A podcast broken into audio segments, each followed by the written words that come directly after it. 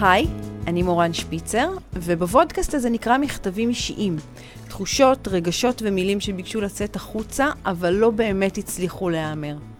דרך המכתבים נציץ לחיים של אחרים, ואולי נגלה משהו חדש גם על עצמנו. שלום לאורחת שלי היום, רונה שפריר. היי.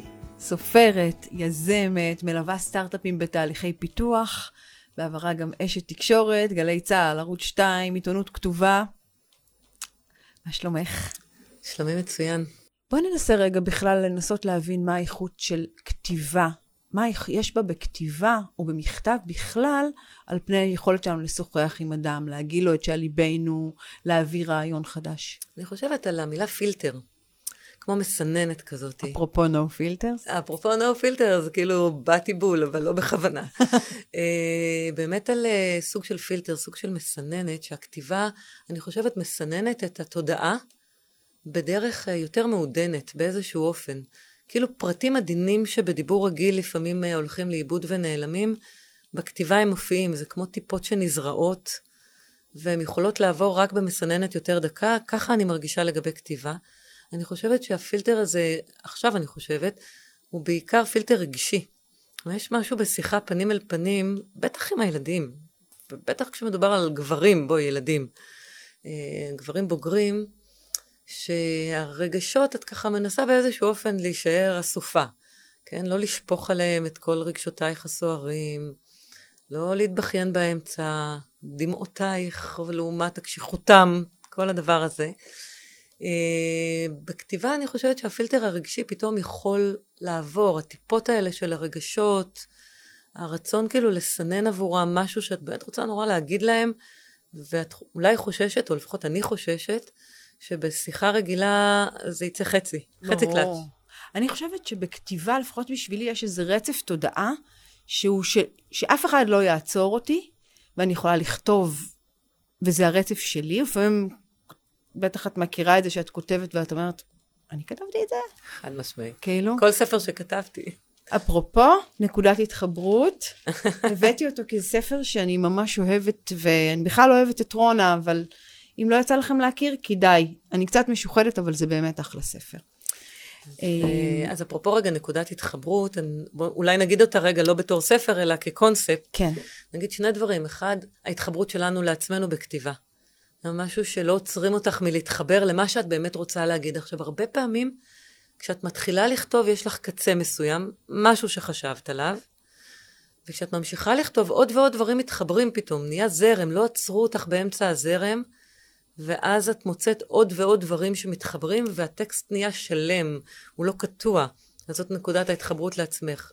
בחלק הטוב, אני רק אסגור את זה, כשאת באמת מתחברת לעצמך ונותנת את הטקסט הזה לנמען, במקרה הזה לבנים שלי, אולי פתאום יכול לעבור אליהם משהו ככה פלאג אין יותר טוב. בנים שלי, בחודשים האחרונים כל הפיד שלי בפייס מלא בנשים וגם בגברים שטוענים שנשים צריכות להוביל, להנהיג, לשחרר את העולם מהאלימות, מתלות בכוח ובתקציב הביטחון. ואני, שאמורה לשמוח ולהעריך רעיונות כאלה, מתכווצת. ושלא תטעו, אני אשמח שיהיו עוד נשים בכל מקום, מנהיגות ורופאות ומדעניות ומנהלות מעולות. אבל זה לא מספיק לי. אני מתבוננת עליכם, רואה שאתם מעריכים קשב, יודעים לזהות מתי מישהו נוגע באופן פוגע ומתי מישהי נוהגת באופן קורבני. ואני מחפשת סיפור אחר, חדש, על יחסים בין גברים ונשים לבין העולם. הוא מתחיל בהיסטוריה האישית שלי. אני לא חושבת שאתם יודעים את זה, אבל בגיל 17 הייתי פמיניסטית מוצהרת. נלחמתי והלכתי עם כל החברים שלי להרצאות של שולמית אלוני על זכויות אדם, נשים ומיעוטים. בבית כעסתי על סבתא, אימא שלי זיכרונה לברכה, שגידלה אותנו, בישלה מעולה, וקצת עבדה כמזכירה של סבא עורך הדין. והיום, כמה עשורים מאוחר יותר, אני חושבת על כל העניין מחדש. אני רואה אתכם גברים חזקים ומרשימים מאוד, אנשים מוסריים במיוחד, שמזהים מרחוק כאב וקושי, רגישים, יודעים לתמוך באנשים זרים וגם להעמיד גבולות בנועם. ואני רוצה להציע לכם, ובכלל, רעיון מוזר. לא נשים מנהיגות ולא גברים מובילים. פחות הובלה ויותר בחינה בכל פעם מחדש מה צריך לקרות עכשיו, מי יכול לעשות את זה הכי טוב, ומה צריך לעשות כדי שנשתף פעולה בלי גאווה ובלי יוהרה. יכול להיות שזה נראה לכם נאיבי ודבילי, אבל מעבודתי עם סטארט-אפים וחברות על תהליכי פיתוח, אני יודעת שכל דבר טוב ויוצא דופן הוא בהתחלה נאיבי ודבילי, בנים שלי. אתם עבורי מודל לגבריות אחרת, ממש כמו אבא שלכם, ואני מזהה בכם קצה של אפשרות אופטימית. תפסיקו לדבר על מנהיגים בהערכה או בהערצה. תראו את החשיבות של שטיפת כלים ורצפה כמו חשיבות של לימודים ועבודה. תתחילו בקטן, בדיבור טוב לכולם, בהסכמה לטעות ולתקן. אני רואה שאתם כבר שם, לפחות מדי פעם, ואני מאמינה בכם, ואוהבת אתכם הכי בעולם כולו. אמא. איזה סוג של יחסים יש לך עם, עם הבנים שלך? יחסים אה, ממש ממש ממש טובים. אני יכולה להגיד, אני רואה, יש ביניהם הפרשים של כמעט חמש שנים בין אחד לאחר. Mm, זה הרבה, אז, יחסית. כן, מלא. אז אני ממש רואה שזה מתפתח לטובה. באמת, אני ממש יכולה לשים לב, הבן הבכור שלי, שהוא חי היום במילאנו, היחסים הם uh, קרובים באופן שאני חושבת שלפני עשר שנים לא, לא ידעתי לדמיין כמה קרוב זה יהיה. Mm. ברמה שהוא שואל שאלות כאלה של, אני רוצה לדעת באמת מה את מרגישה. גבר מפותח. אמרת. אמרתי. אה, הבן השני שלי שחזר מאוסטרליה לא מזמן, מתחיל לימודים, אני ממש מרגישה שהשנה וחצי האחרונות היו שדרוג במערכת היחסים. מה זה שדרוג? זה אומר, תמיד מערכת היחסים בינינו היא קרובה, גם עם בן זוג שלי, אבל במובן של הרצון לשמוע ולהשמיע, כן? לא רק uh, להגיד וללכת, כן? ולא רק אני אומרת ואז הוא, אל תחפרי וביי, אלא באמת איזו יכולת uh, של הדדיות, ועם הבן הצעיר שלי אני חושבת שזה עכשיו מתפתח, סיים מכינה, מתבגר עכשיו. את יודעת, לי גם יש יחסים קרובים עם הבת שלי הגדולה, שהיא משתחררת עכשיו מהצבא, אבל אני יכולה לשמוע באיזה אונה במוח שלי הורים אחרים שאומרים, יואו, הלוואי וזה היה אצלנו גם ככה, כי, כי אני יודעת שיש קשיים בתקשורת בין אה, הורים למתבגרים. אולי מכתבים זה סוג של אה, מקום לפחות להגיד משהו. אולי להגיד את המשהו הזה לעצמנו. אני לא סגורה כמה הם טובים בלקרוא את זה, זה יחסית מכתב ארוך. אה, והם קראו אותו, אני חושבת שהצלחתי טיפה לסקרן אותם עם הסגנון. אבל uh, אני לא חושבת שהם כל כך אוהבים לקרוא דברים ארוכים. אבל הם הגיבו לך? הם הגיבו לי. הגדול uh, uh, ממש מעניין עם הכיוון שלא חשבתי עליו, uh, uh, וגם כתב לי, אמר לי, שדברים שהוא לא ידע. אני לא חושבת שסיפרתי להם איך הייתי כנערה, אני לא חושבת שדיברנו על זה. באמת אני לא חושבת שיצא. Uh, הבן השני שלי נמצא כרגע בבית, אז... Uh, הייתה לנו ממש הזדמנות לשבת לדבר על זה. Uh, הקטן, uh, אחלה אימא. יופי שלי. את יודעת, כי מתוך המכתב הזה, ובכלל, מתוך הסביבה שאנחנו שומעים, וכל הדיבור הזה, שאפילו בפייסבוק דיברת על רשתות חברתיות, על הבואי, כאילו שבואי, שתהיה לנו אישה מנהיגה, לפני שהייתה את ה... כמה הממשלה הנוכחית, וכמה אנחנו רוצים נשים, וכל הזמן מודדים כמה נשים יש בממשלה, וכאילו... אולי אפילו צריך להתנצל בפני המקסימים האלה, כאילו, כל כך רצינו לטפח נשים, כל כך רצינו לה... לקרב או לצמצם פערים, ובעצם, כאילו, איזה מסר אנחנו מעבירים לגברים כאלה מקסימים, מהממים, רגישים, ערכיים? תראי, כל המכתב הזה התחיל כי חברה משותפת, אני חושבת, אה, מאיה טבת אה, דיין, המהממת, יש לומר, אה, פרסמה טקסט שהיא בו, באיזשהו אופן פונה אל הבנות שלה, כן, מאיה טבת דיין, משוררת, סופרת, כותבת בהארץ. אה, אישה באמת מהממת, אבל כשקראתי אותה התווכחתי איתה. אה, בתוכך. בתוכי, כן. גם כתבתי לה אחר כך, אבל התווכחתי איתה. אז תסבירי למי שלא הכיר מה שהיא כתבה קצת. אה, היא כתבה מכתב, סוג של מכתב, זה לא מכתב, היא כתבה טקסט ארוך שמתייחס לבנות שלה ואיך היא מגדלת אותן, איך היא רוצה לגדל אותן, אה, בעולם הערכים הכללי כנשים, למה הן שמות לב, במראה החיצוני, באיך הן מתייחסות לעצמם, בנושא של הטרדות, אוקיי? כל, ה, כל השיחה הזאת, אנחנו מכירות אותה, שיחה די שקורית סביבנו, נכון? לא רק בפייסבוק, באופן כללי. אה, ודיברנו על זה בבית, בארוחת ערב. כמו שכתבתי, אני, אני באמת, אני אמורה להיות זאת שתומכת במה שהיא כתבה, והרגשתי... יש חלקים שכן. לגמרי, חלקים, אבל באופן עקרוני הרגשתי מתכווצת. Mm-hmm. זה לא הרגיש לי טוב, במיוחד כלפי הבנים שלי. שלושה בדיוק. גברים, אוקיי, אני מגדלת שלושה גברים, היא מגדלת נשים. אה, יש בינינו שיחות בבית, אה, בן הזוג שלי, שהוא פסיכולוג קליני, שהוא באמת אה, איש מאוד יוצא דופן, גם בסוג הגבריות שהוא מביא. אה, שבשיחות האלה הבנים שלי אומרים שהם מתנהלים מפוחדים בסביבות שונות. אם אני אגיד למישהי מילה אחת מיותרת, היא יכולה להתלונן עליי.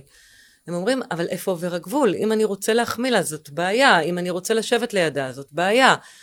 אה, הם אומרים, בעצם הם אומרים, הם פונים אליי, כי אני האישה בבית, אני ואסלי הכלבה, ואסלי פחות מגיבה כן. לנושאים האלה, זה פחות מטריד אותה. אה, הם אומרים, אתם מגזימות, הם פונים אליי, אתם מגזימות. אומרים, אנחנו מעריכים נשים, אנחנו רואים נשים כחלק, מ, כן, כחלק מחיינו, אתם מגזימות. אתם רק מדברות על כמה אתן קורבניות, מסכנות, לא מובילות, לא עושות. הם אומרים את הדבר הבא, חלקם, אומרים, אבל אתם, אתם לא באמת רוצות? יש דברים שאנחנו עושים ואתם לא רוצות לעשות. נכון. לא בא לכם לעשות את הדברים האלה. גם נכון. או מי שבא לה, בסדר. כאילו... או הפוך, כן? אה, את יודעת, זה חלק מהשיחה שלי עם עצמי. אה, עם כל הפמיניזם שהתהדרתי בו, הייתי עיתונאית אה, צעירה, עשיתי כל מיני דברים כאילו מפחידים, כן? כמו מה? נסעתי לעזה לעשות כתבות, עשיתי כתבות צבאיות, פרסמתי את צאלים ב' לפני המון שנים, כן, כל מיני כאלה. ניסיתי להיכנס למשבצת הגברית הזאת כשהייתי צעירה וכן הלאה. אבל לחלק... אהבת אותה? את המשבצת. זה עניין אותך כאילו? זה עניין אותי, כן. זה עניין אותי כמו לפענח את ה-DNA שלהם באיזשהו אופן. בעלי את קצין קרבי, סיירת, טה-טה-טה-טם, אז קצת לפענח את ה-DNA שלו. אבל uh, במובנים אחרים זה פגע בי מאוד. לא, כי אני ניסה להבין מאיפה באת לזה, כי... באתי לזה משוויצריות. זהו, בדיוק, להוכיח משהו, להגיד גאווה. משהו, להראות משהו, לעשות באתי... משהו, והוא לא מחובר בעצם לתשוקה האמיתית, הפנימית, או... חד לה... משמעית. אני באתי מגאווה מצד אחד. מחטטנות, בואי נראה להם, מצד שני. מלהוכיח מאוד, מלהראות שאין דבר שאני לא יכולה לעשות. שילמתי מחירים מאוד כבדים על התקופת זמן הזאת, באמת מאוד מאוד כבדים. גם ברמה אישיים. בריאות, אישיים, בריאותית, נפשית, בריאותית, נפשית, חרדה, כל הסיפור. אה, בוודאי כאימא צעירה, הייתי כבר אימא צעירה באותם ימים. אה, ואני, ואני אוסיף רגע לדבר הזה שלהרבה מהמקומות האלה, בן הזוג שלי, אוהד, נסע איתי, לקח אותי, היה לידי. היית צריכה גבר שישמור עלייך. הייתי צריכה גבר שישמור עליי, עם כל. הטקט הפמיניסטי. ברור, ברור. אני אגיד את זה גם מהצד ההפוך. אז בסתר ליבי, היום לא בסתר ליבי, התגאיתי בזה שהוא גבר ולא חנון, בסדר? אני אומרת את זה באופן כנה, אני לא יודעת אם אני שמחה עם הדבר הזה, אני לא יודעת אם אני, נגיד, היום גאה להגיד את זה, אבל uh, שמחתי שאני מסתובבת עם קצין בסיירת, שאיננו חנון. הוא, הוא היום אומר את זה, אוהד, הוא אומר, תשמעו, אתן משחקות פה משחק כפול מאוד מאוד יפה, כן? פעם אחת שוויוניות וככה, פעם שנייה, הוא אומר, תסתכלי ומראה לי שורה שלמה של נשים. הוא אומר, תראי, בסוף הן בוחרות, או רוצות, או מחפשות גבר שהוא אה, גבר. קצין בסיירת. ובואי, את, את, את, את לא כזאת מאמינה גדולה, נכון? בצבאיות וכן הלאה. אבל את רוצה קצין בסיירת. אתם בדיאלקטיקה, אתם לא... תקשיבי, רק נז... פמיניסטיות. נזכרתי בסיפור מצחיק שלי בקטע הזה. קדימה. היה לי איזה בן זוג שהוא היה מתוק אמיתי, באמת, איש תרבות ורוח ומעולם התיאטרון, והיינו ביחד, הוא תמיד היה מביא טקסטים מעניינים, והיינו מדברים כל מיני דברים שאני נורא אוהבת, והוא גם היה מבשל טוב, היה מכין ככה ארוחות, תמיד הייתי באה, והיה כזה נורא... נשמע בן זוג מושלם. אבל פעם אחת נתקעתי עם האוטו, וקראתי לו שיבוא לעזור לי עם, ה... עם הכבלים, אני לא יודעת, כאילו משהו כזה, והוא הגיע, וראיתי אותו פעם ראשונה מחבר כבלים של אוטו וכזה, ונדלקתי אש, הוא אומר לי, תקשיבי, כל מה שאני עושה לך, פתאום אני באה מחבר כבלים, ואני רואה אותך כאילו נדלקת כמו שלא נדלקת. עד עכשיו. עד עכשיו. ואת אמרת, בן זוג מושלם, ואני פתאום ראיתי אותו מחבר, זה אפילו לא היה משהו שהייתי צריכה לחשוב עליו, זה היה כל כך, וואו. ממש. כאילו משהו באפשר... ממש, את יודעת, הבן זוג שלי לוקח אותי על האופנוע, האופנוע נתקע, הוא נעצר, הוא מזיע ו...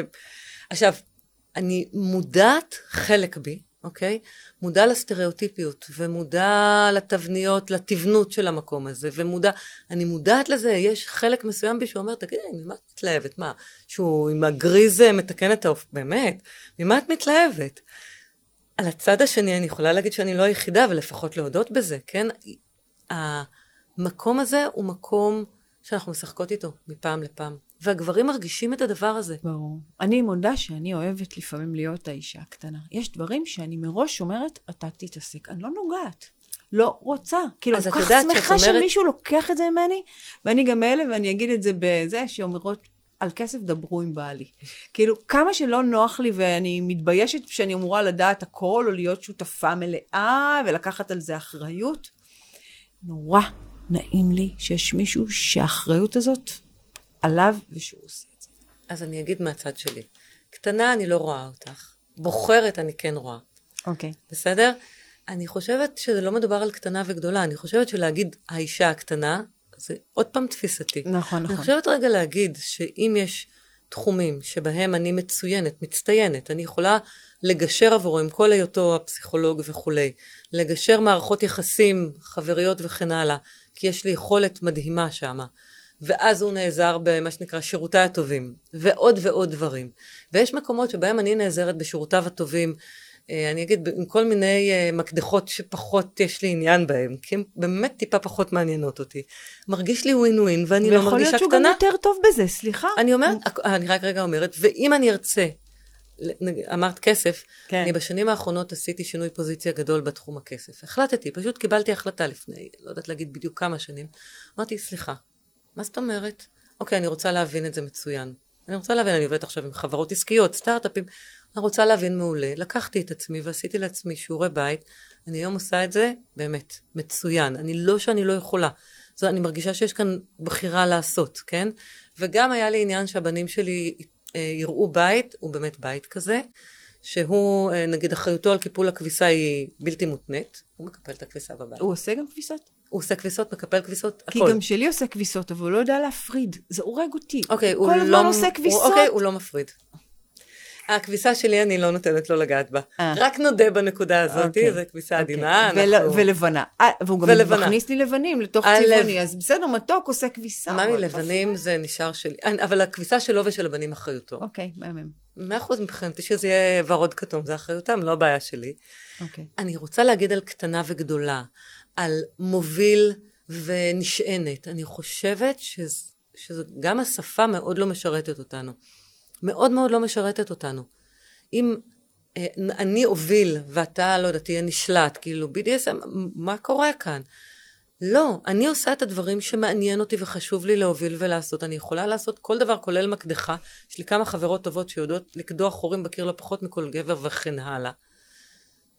זה בסדר גמור. אני רוצה שזה יהיה עולם שבו הכל מותר לי לעשות והכל מותר לא לעשות. זה בסדר גם להיות בתוך הסטריאוטיפ הגברי או בתוך הסטריאוטיפ הנשי, מבלי להרגיש אי נוחות. אני רוצה לקחת את זה עוד רמה ולהגיד מה נחשב.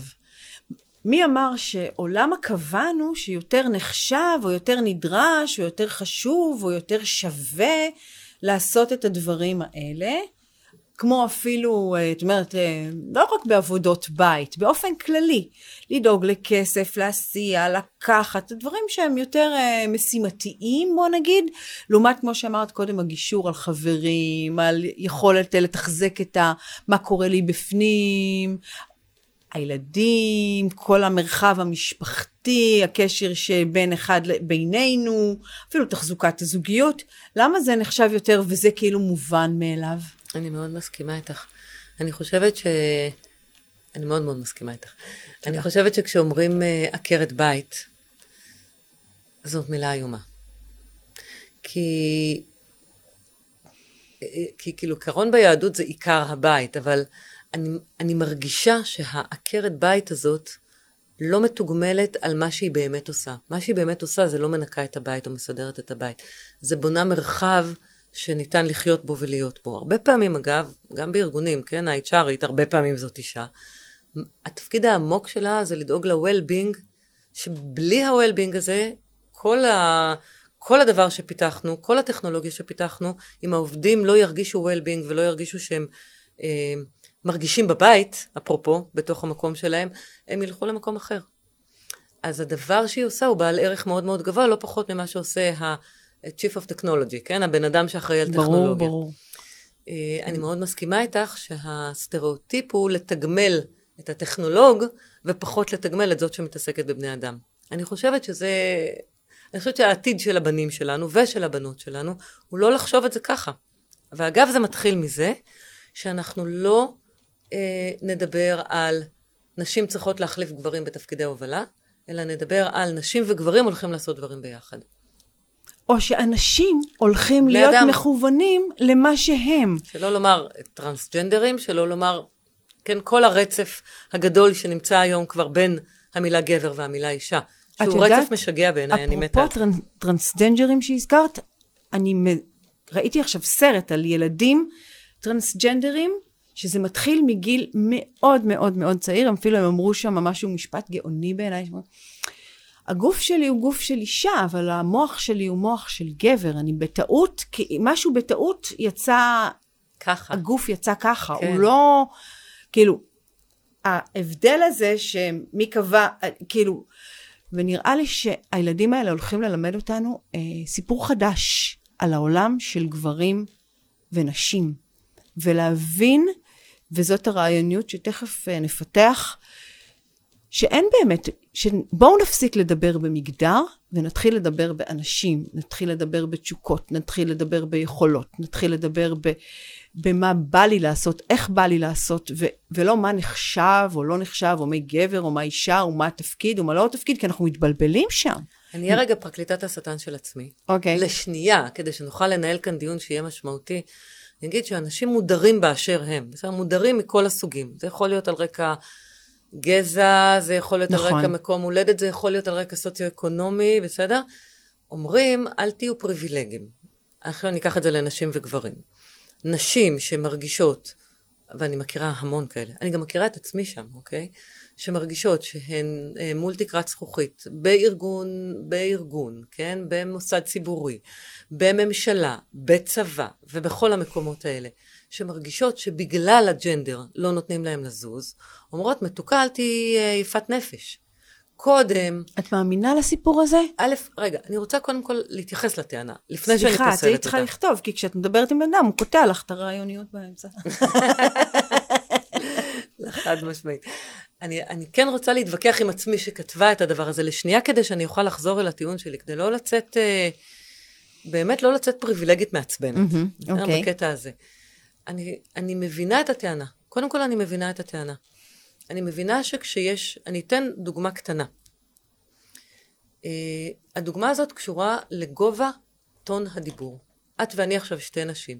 כשיש חדר מלא גברים, בסיטואציה של ישיבת הנהלה, יצא לי להיות לא אחת, אוקיי?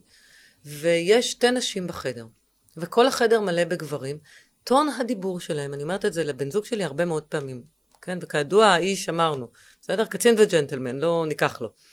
אני אומרת לו, תקשיב, אתה יכול להרים קול למקום שאין לי. אתה, כשאתה מדבר ככה חזק, מה שזה עושה לי זה משתיק אותי אתה בולע אותי. בפני עצמו זה משתיק אותי. לא כי. עשית משהו. ברור. כי אתה צריך לשים לב, זה לא אני צריכה לשים לב. ברור. אתה צריך להאיט את צעדיך כצעדיך גדולים משלי. אתה צריך להבין שכשאתה אומר לי, אז תמשכי את זה יותר חזק, לא משנה את מה. אה, בוא, אתה פחות או יותר חמש חזק ממני. אתה חייב להבין את זה מהצד שלך, אתה צריך להסתכל עליי, להנמיך את טון הדיבור שלך, חמוד, ולהבין, אני, בוא נחזור לישיבת ההנהלה הזאת, שתי נשים בחדר, עוד עשרה גברים, והם מדברים מעל הראש שלך בטון דיבור שאת לא תגיעי אליו ever in your life. נכון. את לא תגיעי לטון הדיבור הזה. אז מה את יכולה לעשות? לנסות לצווח בטון גבוה, נכון? שלא ישמעו אותך, או לשתוק, או לחכות שיגיע תורך ויתחשבו בך, נכון? אוקיי, אז אני ממסגרת רגע את הסיטואציה הזאת על כל הרבדים שלה, כדי להגיד שזה לא נורא נורא נורא פשוט. זה לא נורא נורא פשוט. זה נכון. זה דורש, מבחינתי, מאמץ משולב של גברים כמו הבנים שלי. אני מקווה, אני מקווה שלשם הם הולכים. ככה נראה לי, אבל אני מקווה שלשם הם הולכים. ונשים, כן, כמו הבת שלך, וכמו עוד נשים שאנחנו מכירות, שיחשבו ביחד איך זה צריך להיראות. זה לא מובן מאליו. אני רוצה רגע שנחזור אבל באמת ללא נשים מנהיגות ולא גברים מובילים, כי יש כאן רעיוניות חדשה שמעניין להקשיב לי, מעניין להקשיב לה וללמוד ממך מה, איך את רואה בעצם, איך היית רוצה? קודם כל אני מדמיינת. מדמיינת. וכמו שאמרתי להם, חכו שנייה לפני שאתם פוסלים רעיונות נאיבים ודבילים. אה, כן, אבל רעיונות, את יודעת, אה, נאיבי ודיבילי זה גם, זה מקבילה לחדש. אני מאוד מסכימה. חדש, אה, כמו פרס בזמנו שאמרו עליו שהוא הזוי וזה וזה וזה, כי הוא הביא רעיונות חדשים. והרבה מאוד מהמנהיגים המובילים, או מאנשים שהמציאו דברים חדשים בהתחלה, נראו הכי הזויים בעולם. אז בואי ניקח את זה לגמרי, וחלק מהעניין בעיניי זה קודם כל, לגמרי. אני לוקחת נאיבי ודבילי לגמרי כמחמאה, סטארט-אפים. ברור. הם תמיד, אגב, אני אגיד על זה רגע מילה, בגלל שסטארט-אפים הם בליבי כרגע, במיוחד סטארט-אפים שהם ב-to do good, אה, הרבה פעמים, אם הם לא אומרים משהו אה, שהוא קצת נאיבי דבילי, זאת אומרת שלא מסכימים איתם, אז הם לא באמת מחדשים.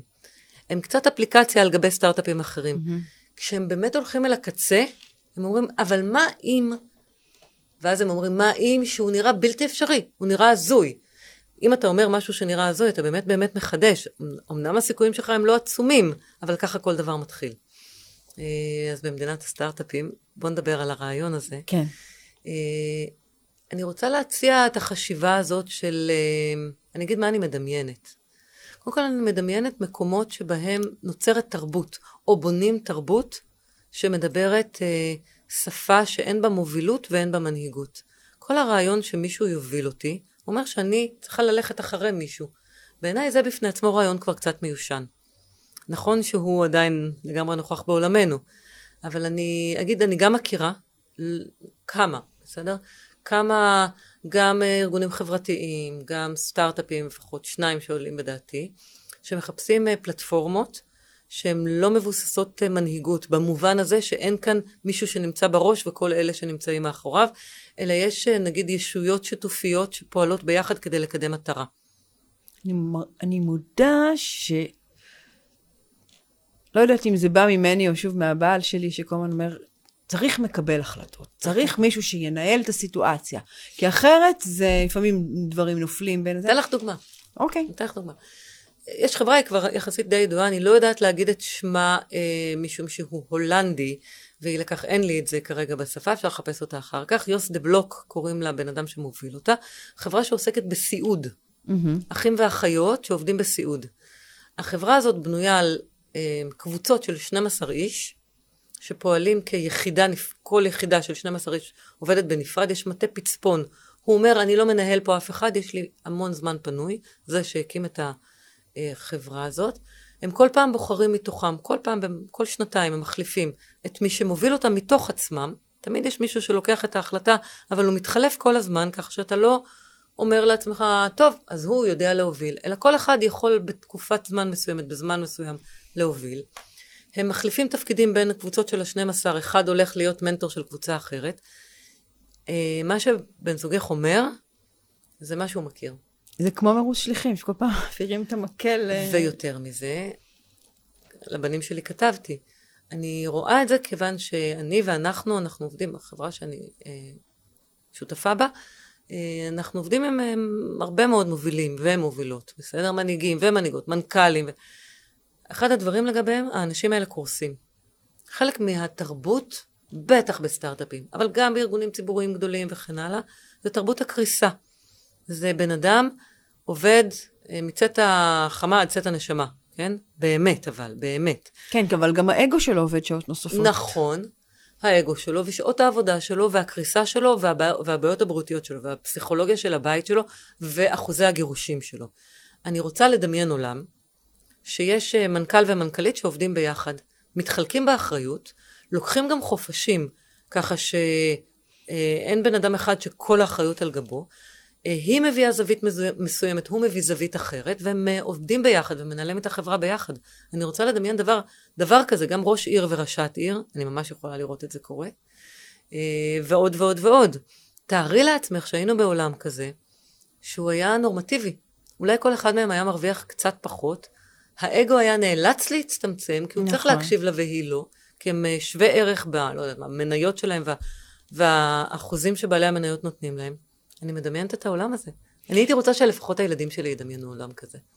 זה פשוט, אני, אני שומעת אותך ואני מרגישה הבנה ששום דבר, זה לא בא על חשבוני. אלא זה רק הפריה הדדית. זה לא לוקח משהו ממני, מיכולותיי, מכישרונותיי, מיכולתי להשפיע ול, ולהיות uh, במקום שיש לו מהות ומשמעות, אם מישהו, עוד אנשים עושים דברים דומים לידי. הפוך. לגמרי.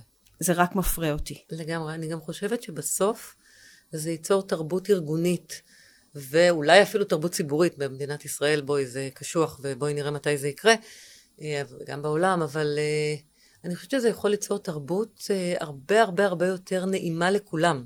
אפרופו ה-HRית וה-CTO שדיברנו קודם, תרבות כן. יותר נעימה. ככה שלכולם יהיה יותר נעים בחדר. אם יש מנכ"לית ומנכ"ל, תתארי לעצמך איך יראה חדר הישיבות. כן, אבל אני לא יודעת, בא לי להגיד אבל, כי אני נתקלתי בהמון מנכ"ליות שהן היו כל כך יותר גבריות מהגברים בחדר. תרבות. תרבות. הם... הם מאוימות, אולי אם הם, יש משהו משו... אני לא בטוחה מאוימות, אוקיי. אני חושבת אה, לומדות להיות כאלה. הן חיות בתוך חברה כזאת, זה כמו להיות, אה, אני מניחה, בצבא, כן? להתקדם בצבא. כשאת מתקדמת במערכת שזאת השפה והסגנון שלה, אם את רוצה, אני אומרת לך גם עליי, אני פרשתי מהמערכות האלה הנוקשות כשהייתי אה, בהיסטוריה התקשורתית שלי. פרשתי, גם משום שהבנתי, גם את, משום שהבנתי, ממש הבנתי, אני חושבת שיכולתי להתקדם בתוך המערכות האלה ואף התקדמתי. הרגשתי שהמחיר שאני משלמת נפשית ומשפחתית לא מתאים לי, ופרשתי מהן. זאת הייתה תרבות אה, ושפה שכדי להתקדם בתוכה נאלצתי, כן, לדבר בסגנון וכן הלאה. אז אני חושבת שאותן מנכ"ליות שאת מתארת, חוברתו אל המקום הזה. ולא משום שתתפסי אותם אחר כך בשיחה אחד על אחד, את יודעת שפעם עשיתי, נכון? תתפסי אותם בשיחה אחד על אחד, את, את קולטת אותן בוכות בקטע. ברור לי. לגמרי. תראי איזה סיוט. ברור. את יודעת, אני נורא מתחברת, אה, אנחנו ככה חותרות לסיום, ובעצם אה, יש כאן משהו שהוא... אה, אני רוצה שניקח אותו קצת באיזה צעידה לדרך, כי הבאנו, הבאת רעיון גדול ומאוד רחוק, אבל אלופת הגשרים, מי שלימדה אותי את התנועה הזאת של ליצור גשר, אז תתחילו בקטן. אני ממש חושבת ככה, אני אומרת, בסדר, זה הרעיון בגדול, אוקיי? אבל אני אומרת, תתחילו בקטן, תתחילו קודם כל מאיך אתם, תשימו לב שיש לכם קול יותר חזק. בנים שלי, אני אומרת לבנים שלי, המהממים, אבל לחברים שלהם, לחברים של החברים שלהם. אתם מגיעים למקום, לפעמים אתה צריך פשוט לפנות לבחורה שיושבת לידך ולהגיד לה, ממש מעניין אותי מה את חושבת. ואני אומרת אנשים, תשימו לב שיש גברים, כמו שאת אמרת, מהממים, ואל תגידו אישה, אישה, אישה. כי אולי יכול לבוא גבר מופלא, עם תכונות מותאמות בדיוק לדבר הזה, ועם כל מה שהיית רוצה במכלול התפקיד הספציפי הזה, אני מפחדת להשתמש לידך במילה הובלה, אבל הנהגה, אבל נניח אה, להיות, אה, למלא תפקיד מסוים, או להיות אה, ראש של דבר מסוים, והוא גבר, אבל הוא מהמם, אז, אז מה? וגם תמיד תדברו עוד קצת יותר ממה שחשבתם לדבר, כן? אה, למה התכוונת כש? למה התכוונת כש? תשאל את זה, באמת תשאל. אם תשאל ותקשיב, את יודעת שעבורי הקשבה היא המפתח פחות או יותר להכל, כי זאת גם ההתמחות שלי. אם תשאל, אבל גם תמתין, ובאמת תקשיב, ותבין אולי עוד נקודה, ואז תשאל שאלת המשך, כמו שאנחנו יודעות לעשות, כי זה המקצוע. יכול להיות שתשמע משהו שלא דמיינת. אגב, גם את. אם את חושבת שהוא רצה לפגוע בך כשהוא עשה כך וכך וכך, אולי לא. אולי זאת לא הייתה הכוונה שלו, אולי הוא לא שם לב למשהו. תגידי לו, למה התכוונת? ואולי לא תצטרכי להגיש עליו אפילו תלונה. יכול לקרות. בהחלט.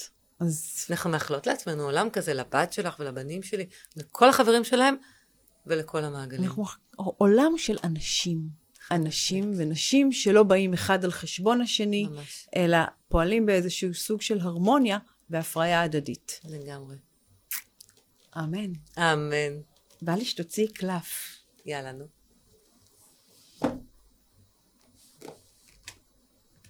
קח מהאמצע.